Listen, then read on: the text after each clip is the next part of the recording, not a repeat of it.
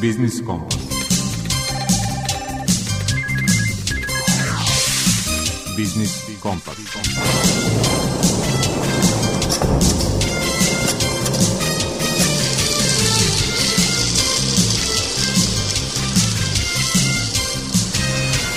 Pred mikrofonom je Đuro Vukelić. Dobar dan, poštovani slušalci. Dan kao stvoren za Biznis Kompas. Naime, sredina je marta i ekonomska događanja se zahuptavaju. Prošao je i Koponik Biznis Forum sa uobičajenim porukama o neophodnosti ubrzanog sprođenja reformi, ali i novim licima koja, verujemo, obećavaju bolju, inovativniju budućnost srpske ekonomije. Tako lice prepoznali smo u direktoru inicijative Digitalna Srbija, Nebojši Bjelotomiću, s kojim ćemo o IT tržištu Srbije razgovarati u rubrici Aktuelno.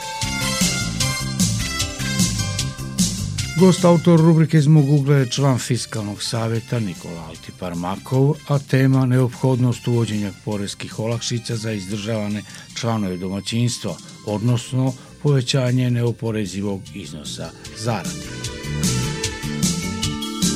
U svetu preduzetništva predstavit ćemo organizaciju dostignuća mladih u Srbiji kroz razgovor sa menadžerom za programsko partnerstvo Nemanjom Glavinićem. Tema rubrike Predmet financije i izlaganja supervizora nad osiguranjem u Narodnoj banci Srbije Branislave Vidaković je osiguranje od otkaza turističkih aranžmana. U rubrici Potrošačka korpa prava, pravni savjetnik u Udruženju za zaštitu potrošača Vojvodine, Mladen Alfirović, predstavlja kampanju pod nazivom Čuvaj se mačke u džaku, kupuj legalno. I pre najavne rubrike aktualno muzička pauza.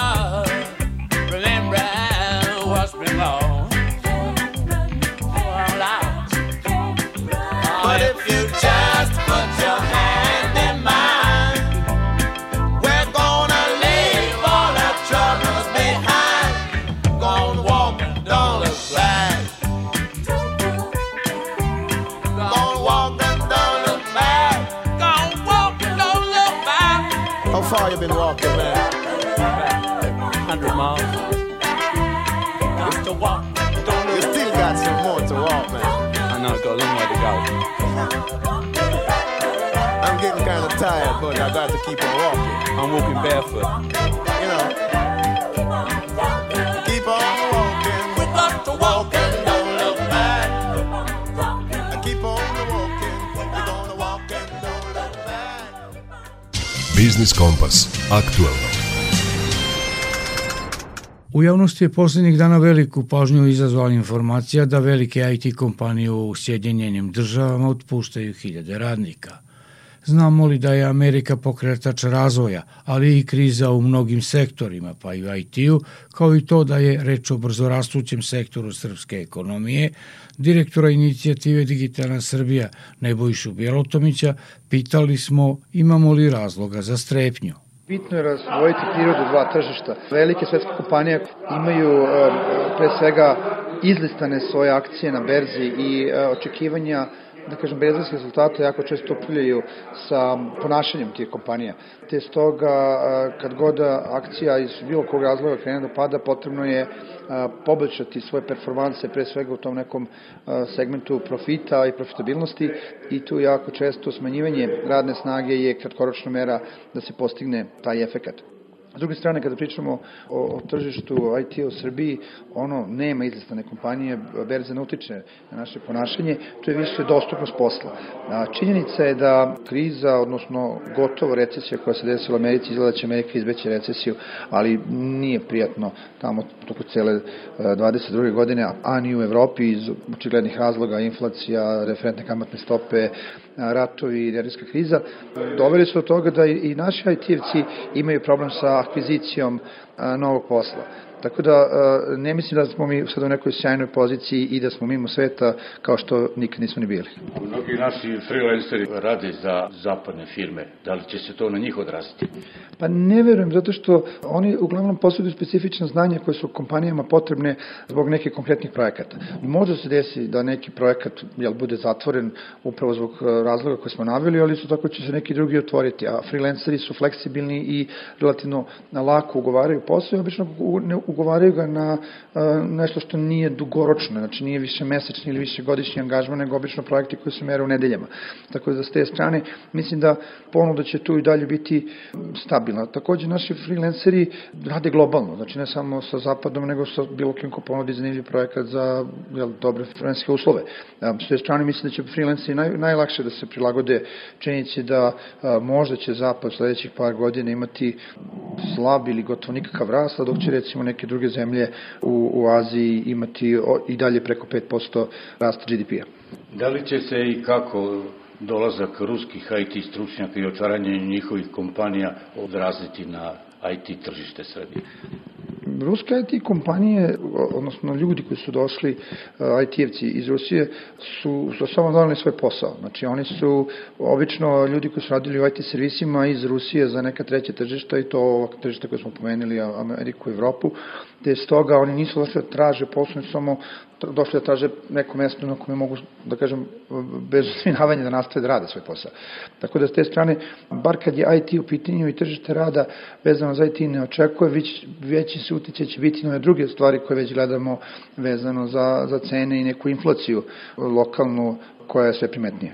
Kako vidite budućnost IT sektora u Srbiji? Pre nekoliko godina kad je izvoz dostigao 250 miliona evra, tada se govorilo, eto, nadnosio je vrednost izvoza malina. Inicijativa Digitalna Srbija je jedan od kreatora te budućnosti. Dobro, mi se trudimo da budemo jedan od, od da kažem, organizacija ili grupe ljudi koja radi na tome. To ne može da bude uspeh nikako jednog pojedinca, pa čak ni jedne organizacije, to zaista mora bude delovanje više agenata u, u, u društvu.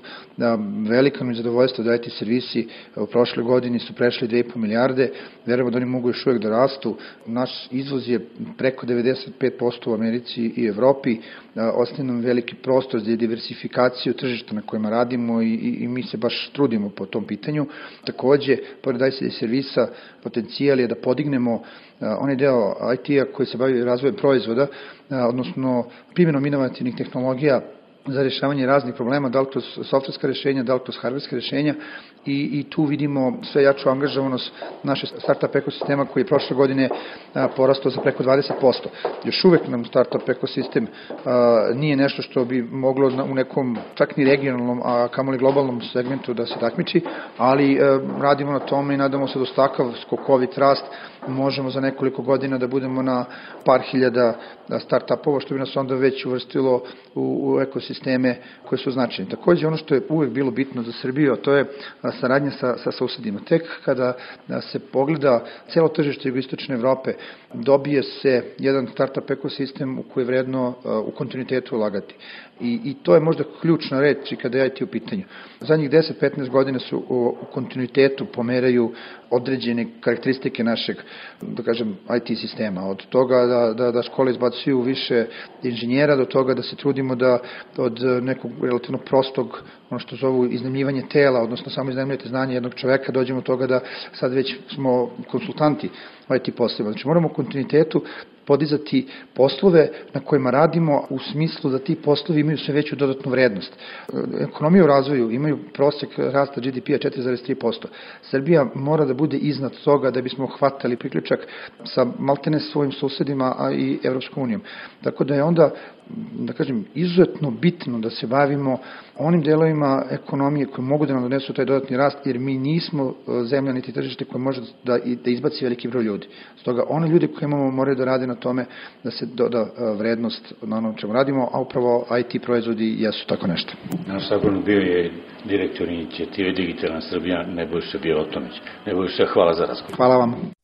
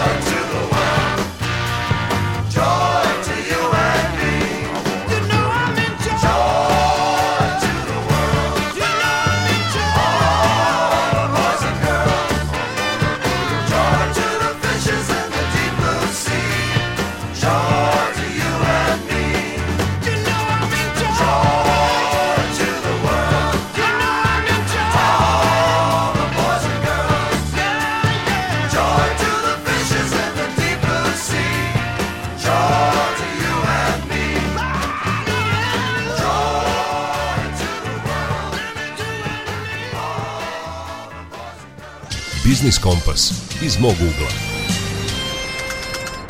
Neizbježna posljedica svake krize je porast nejednakosti u društvu uz povećanje kategorije najranjivijih. Jedan od načina da se ta nejednakost ublaži jeste prilagođavanje porezke politike, između ostalog i pravednije oporezivanje dohodaka građana. O tome u rubrici iz mog ugla govori član Fiskalnog saveta Nikola Altiparmakov.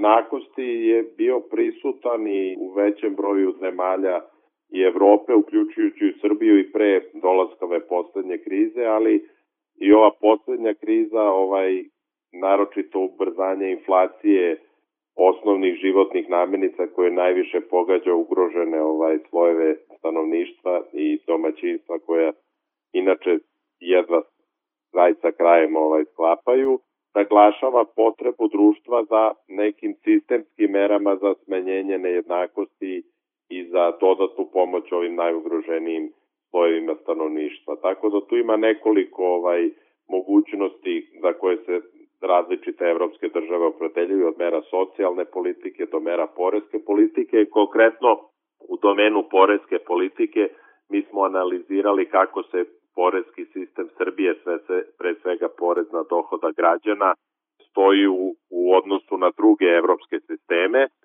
i prepoznali smo dva najveća nedostatka koja su inače prepoznata već neki dugi niz godina i ta reforma poreza na dohodak građana zapravo kaska u Srbiji otprilike jednu deceniju u odnosu na druge zemlje u regionu. A ta dva najveća nedostatka su pod jedan nepostojanje poreskih kredita ili poreskih izuzeća za decu i druge izdržavane članove domaćinstva koje praktično postoje u svim evropskim zemljama izuzev ovde kod nas na Balkanu. I drugo je bolja zaštita građana sa najnižim zaradama u vidu većeg iznosa neoporezivog cenzusa. Trenutno neoporezivi cenzus u Srbiji iznosi oko 20.000 dinara mesečno i mi smo sugerisali da bi bilo dobro da se on duplira na nekih 40.000 dinara mesečno i da se uvedu dodatni iznosi neoporezivih cenzusa od 20.000 dinara mesečno za svako dete i svakog drugog izdržanog člana domaćinstva. Da bi se to budžetski moglo ostvariti, neophodno je da se delimično poveća stopa poreza na zarade sa 10 na 15 procenata, To bi i dalje značilo da bi Srbija imala konkurentnu stopu poreza na zarade u regionu i jednu od najnižih u evropskim okvirima. Bilo je neki komentara da, da su neki možda ovaj zabrinuti da li bi to povećanje stope poreza na zarade sa 10 na 15 procenata ugrožilo našu ovaj ekonomsku konkurentnost. Zapravo to je jedna odmerena stopa koja ne bi ugrozila konkurentnost, konkretno ovaj na početku fiskalne konsolidacije stopa poreza na dobit u Srbiji je praktično utrostručena sa nekih efektivnih 5% na 15% i vidimo da to nije ugrozilo našu konkurentnost po rekordnom prilivu stranih direktnih investicija.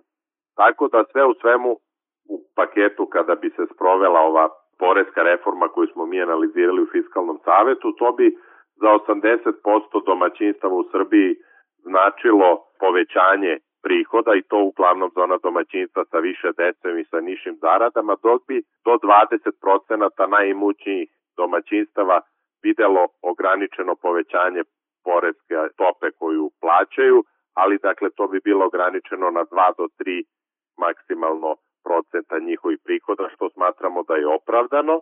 Konkretno, ako pričamo o opterećenju prosečne zarade u Srbiji, Ona je trenutno oko 61 procenat, možda i sad marginalno niže nakon ovog poslednjeg smanjenja stope penzijskih doprinosa od januara ove godine.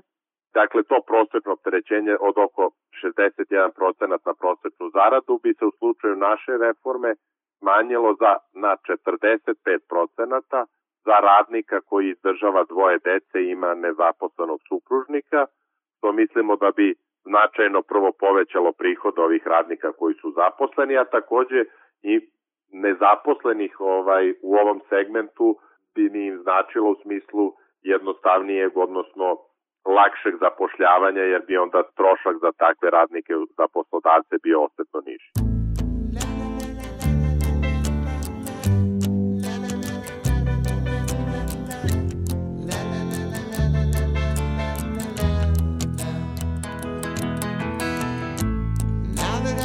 lost everything to you. You say you wanna start something new, and it's breaking my heart you're leaving. Maybe I'm grieving, but if you wanna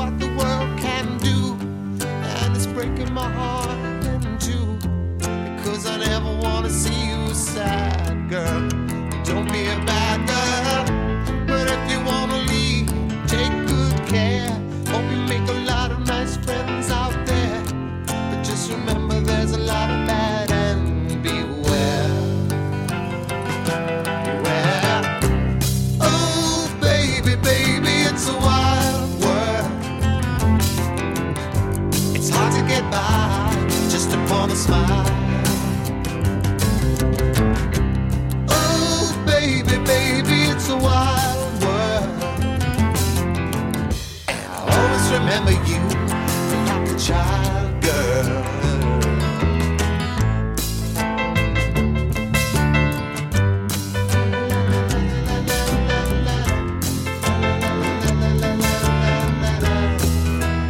Baby, I love you.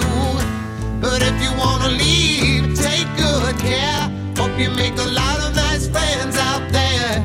But just remember there's a lot of bad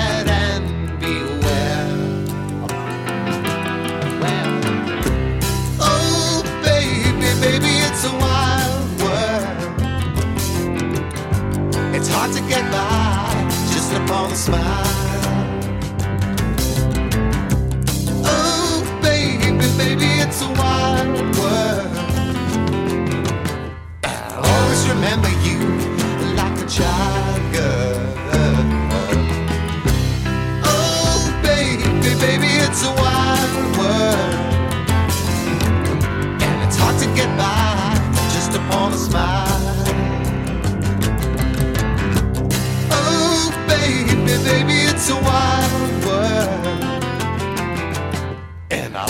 Remember you like a child girl. Biznis Kompas. Svet preduzetništva. Organizacija pod nazivom Dostignuća mladih u Srbiji gotovo dve decenije se bavi obrazovanjem učenika i nastavnika u preduzetničkom duhu. O iskustvima u radu te organizacije razgovarali smo sa menadžerom za programsko partnerstvo Nemanjom Glavinićem. Metodologija našeg rada je da obučavamo nastavnike koji prolaze kroz akreditovanu obuku i na njoj bivaju osposobljeni za implementaciju programa zajedno sa svojim učenicima širom Srbije. Trenutno program implementiramo u nešto preko 350 srednjih škola i imamo skoro 1400 nastavnika koji su prošli obuku i neki manje ili više aktivno uh, učestvuju u samoj implementaciji programa. Iskustva su vrlo pozitivna. Mi kao deo svetske i evropske mreže Junior Achievementa imamo mogućnost da poredimo preduzimljivost, inovativnost i kreativnost naših učenika i ono što nam e, te uporedne analize pokazuju da našim srednjoškolcima ne nedostaje ništa od e, svega toga. E, preduzetništvo u našim školama se implementira kroz nekoliko programa, najzanimljiviji i najvažniji i najefektniji, efikasniji program učeničke kompanije gde učenici osnivaju svoje učeničke kompanije, oni njima rukovode, realno posluju, izlaze na tržište svojim proizvodima ili uslugama i metodološki oni osnivaju te kompanije. Na početku školske godine, na kraju godine oni ih zatvaraju, podnose izveštaje, izlaze na regionalne sajmove, biramo najbolje koji učestvuju na nacionalnom takmičenju, i imamo uvek predstavnika i na evropskom takmičenju kompanija. Tako da što se tiče naše grupe nastavnika i učenika kojima radimo preduzetničko obrazovanje te kako ima smisla i efekti koje proizvedemo u obrazovnom sistemu u Srbiji pokazuju da smo ovako generalno da kažem preduzimljivi. Obrazovanjem u preduzetništvu ne završava i vaša komunikacija sa učenicima. Kako je tome uloga alumni kluba? Mi vodimo računa da ostanemo u kontaktu sa učenicima koji prođu kroz e, programe. Na kraju krajeva ja sam učenik koji je sad već davne 2006. imao svoju učeničku kompaniju u Ivanjičkoj gimnaziji. Sada evo s ove strane radim već 11 godina u organizaciji i bavim se implementacijom samih programa. Alumni mreža je jedan od veoma važnih resursa koje imamo zato što naši polaznici koji prođu kroz obrazovne programe ostaju bliski organizaciji i negde u nekoj svojoj specifičnoj ulozi nakon toga pomažu nastavnicima i učenicima koji u ovom trenutku učestvuju u programima. Da li je to podrška u smislu nekog mentorstva, da li je to podrška u smislu e, pronalaženja nekih rešenja sa izazovima sa kojima se oni susreću, ali svakako već imamo jednu veliku zajednicu bivših polaznika koji su sada već uspešni poslovni ljudi i koji na nekim novim funkcijama šire misiju preduzetčkog obrazovanja, njene važnosti i njene svrsishodnosti u obrazovnom sistemu. Kad planirate novi ciklus obuke i kako mogu da vam se pridruže zainteresovane škole, nastavnici i učenici? Mi imamo redovno godišnje pet ili šest obuka u kojima uključujemo nastavnike. Najlakše je da se zainteresovani nastavnici ili rukovodioci škole jave mailom putem ili putem našeg sajta e, Dostignuća mladih u Srbiji koji postoji na internetu. Mi pravimo spiskove nastavnika koji su nam e, prioriteti za sledeći. Svako ko je zainteresovan da e, implementira program prečkog obrazovanja dobije priliku da se na besplatnoj obuci obuči i i opremi alatima neophodnim za tu implementaciju. Target nam je da u nekih narednih dve do tri godine pokrijemo teritoriju cele Srbije, da budemo prisutni u svim srednjim školama i da prosto svaka mlada osoba koja je srednjoškolac ima priliku da u tome učestvuje. Neretko se dešava da upravo inicijativa i dođe od strane učenika ili roditelja, kada oni prosto žele da učestvuju u programu prečkog obrazovanja, pronađu u kolektivu među svojim nastavnicima one koji su najpredozimljiviji, najaktivniji, koji žele da učestvuju u sličnim aktivnostima, tako da nam se obrati sa tim zahtevom. Mi svako ko je zainteresovan da e, učestvuje u implementaciji, držimo na listama, vrlo brzo e, uključimo na prvoj sledećoj obuci koja je e, planirana i faktički odmah nakon obuke se kreće sa implementacijom. Negde najintenzivnije radimo na početku same školske godine, tako da kako sad već bližimo kraju ove školske godine e, velike grupe obuka će biti od e, septembra i oktobra meseca kada ćemo prosto i učenici i nastavnici imati priliku da se na vreme priključe u novoj školskoj godini. Biće to prilika da još jednom porazgovaramo na ovu temu. Naš sagovornik bio je menadžer za programsko partnerstvo u organizaciji dostignuća mladih u Srbiji, Nemanja Glavinić. Nemanja, hvala za razgovor. Hvala vama.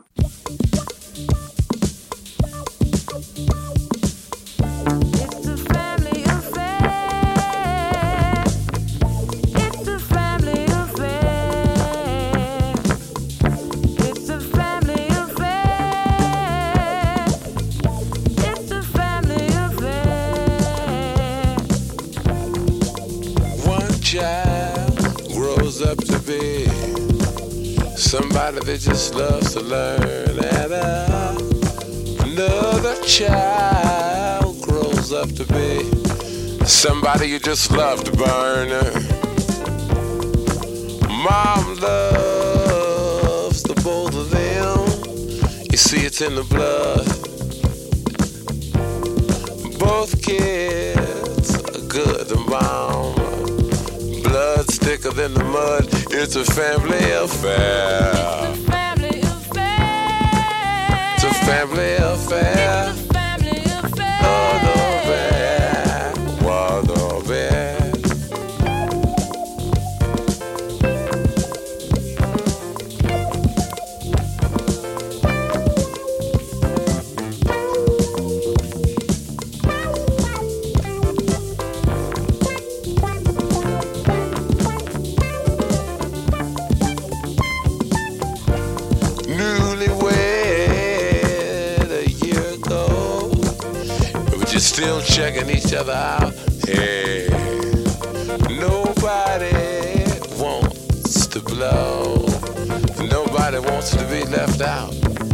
Uh huh. You can't leave cause your heart is there. But you, you can't stay cause you've been somewhere else. You can't cry Cause you look broke down, but you're crying anyway. Cause you're all broke down. It's a family affair. It's a family affair. It's a family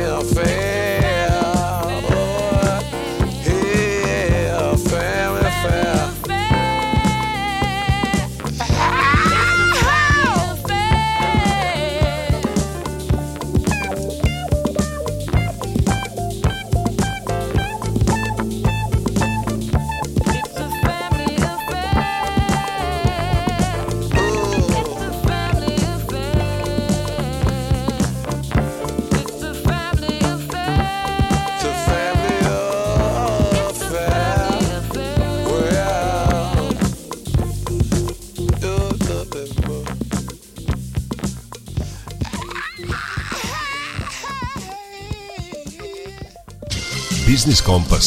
Predmet financije.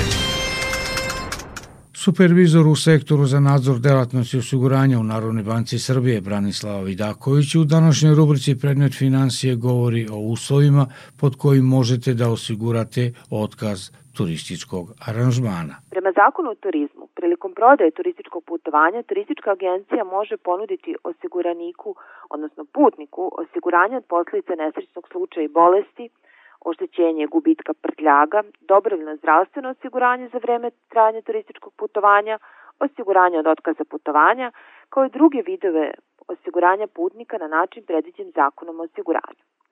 Turistička agencija je dužna da putniku da informaciju o uslovima osiguranja i ceni osiguranja.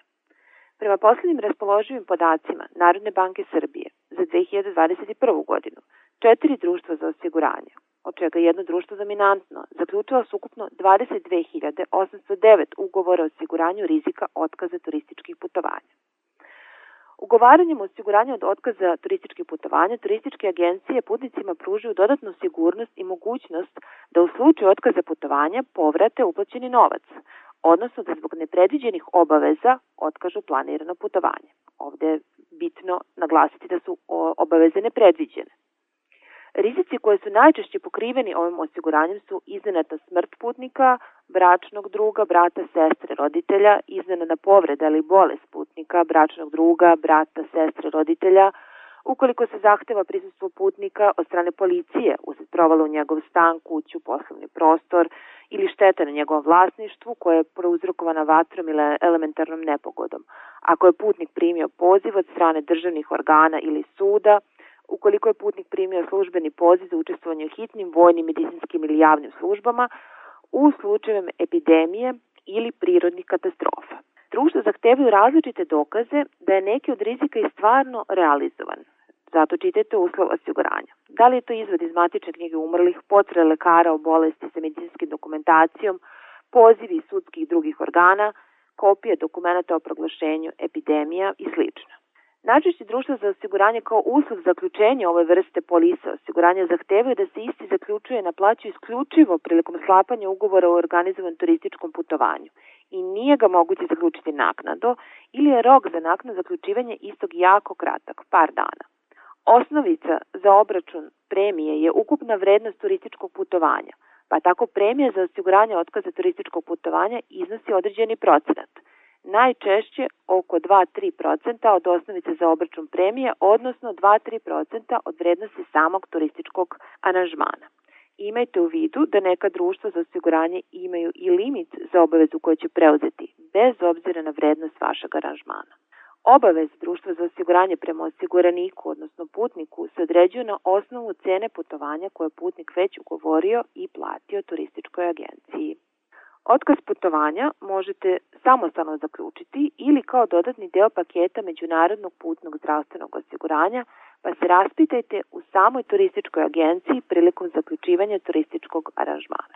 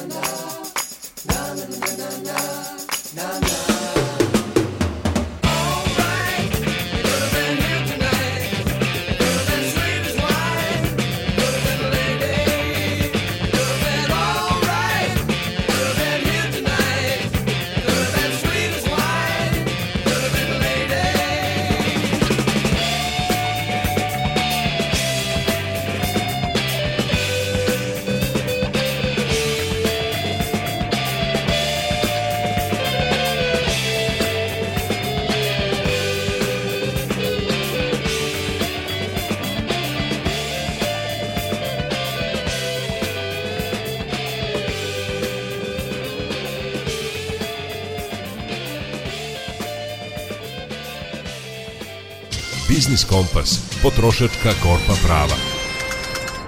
Nacionalna organizacija potrošača Srbije ovih dana pokreće kampanju pod simboličnim nazivom Čuvaj se mačke u džaku, kupuj legalno, sa ciljem da podigne svest potrošača o zamkama nelegalne kupovine. Kampanju najavljuje pravni savjetnik u Udruženju za zaštitu potrošača Vojvodine Mladen Alfirović.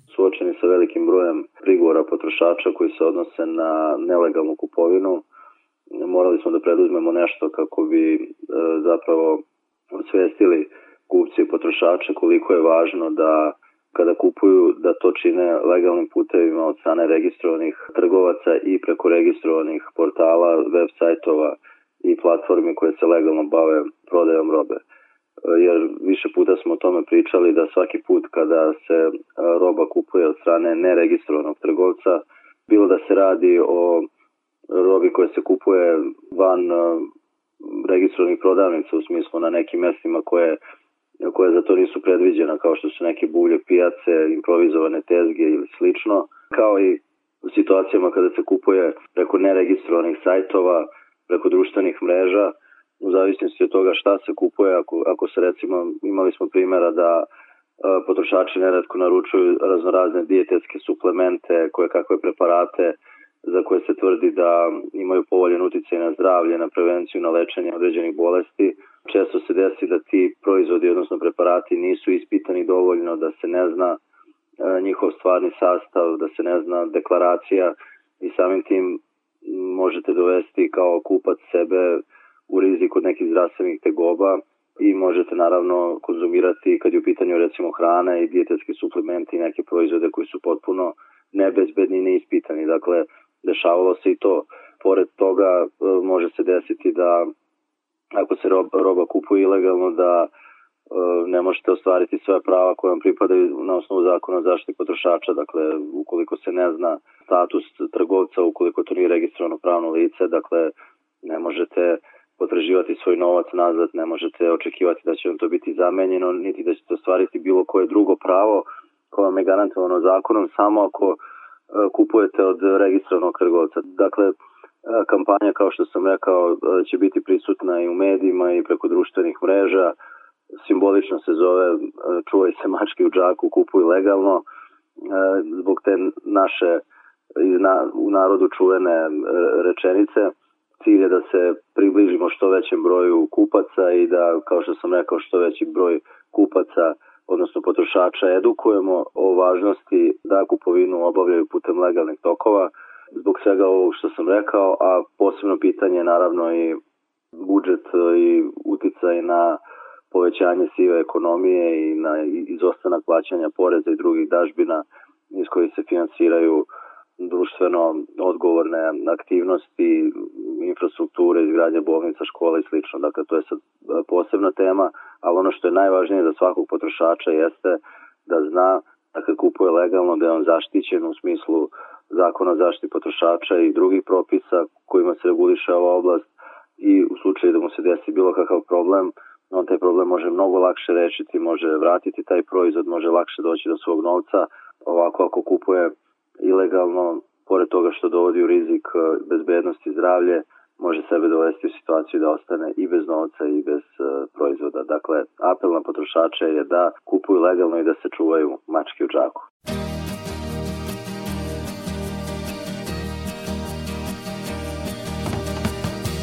Feeling small makes me want to tell you all about how I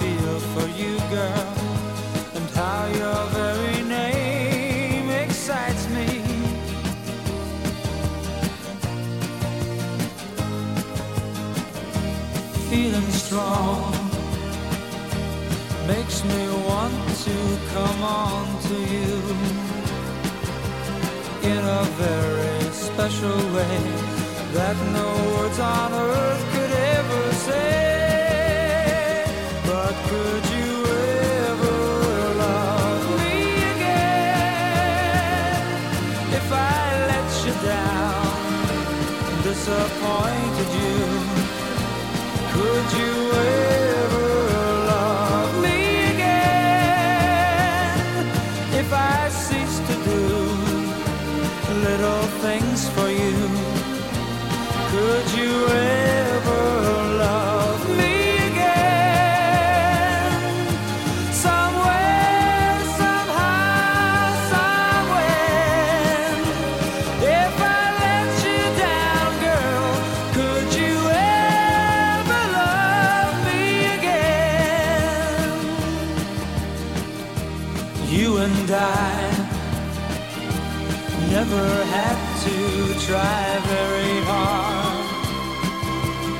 understand the other one and how at times we both were feeling.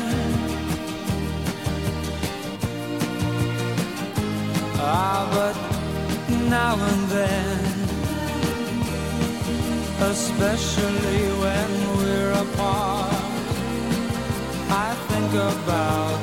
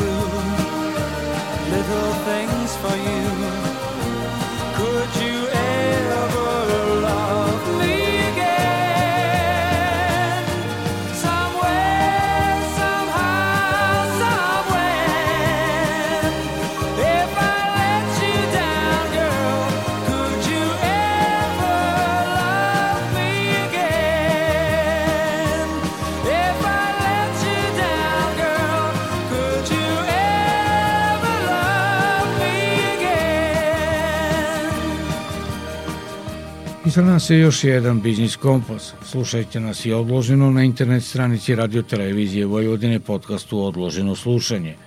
Muzički urednik Zoran Gajino, ton majstor Damjan Šaš i urednik emisije Đuro Vukilić vam žele ugodan nastavak popodneva i večeri uz Radio Novi Sad. Zdravi bili i čuvajte se.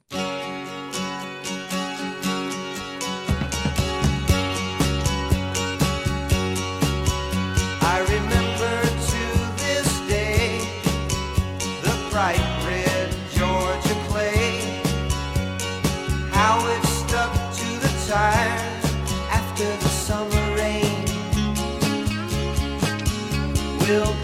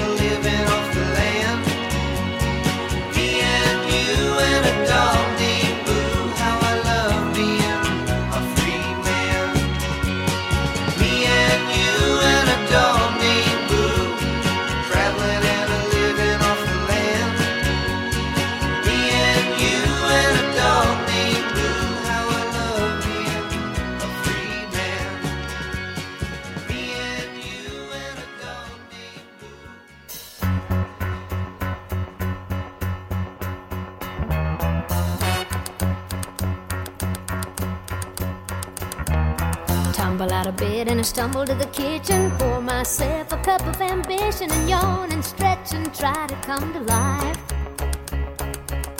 Jump in the shower and the blood starts pumping. Out on the streets, the traffic starts jumping with folks like me on the job from nine to five.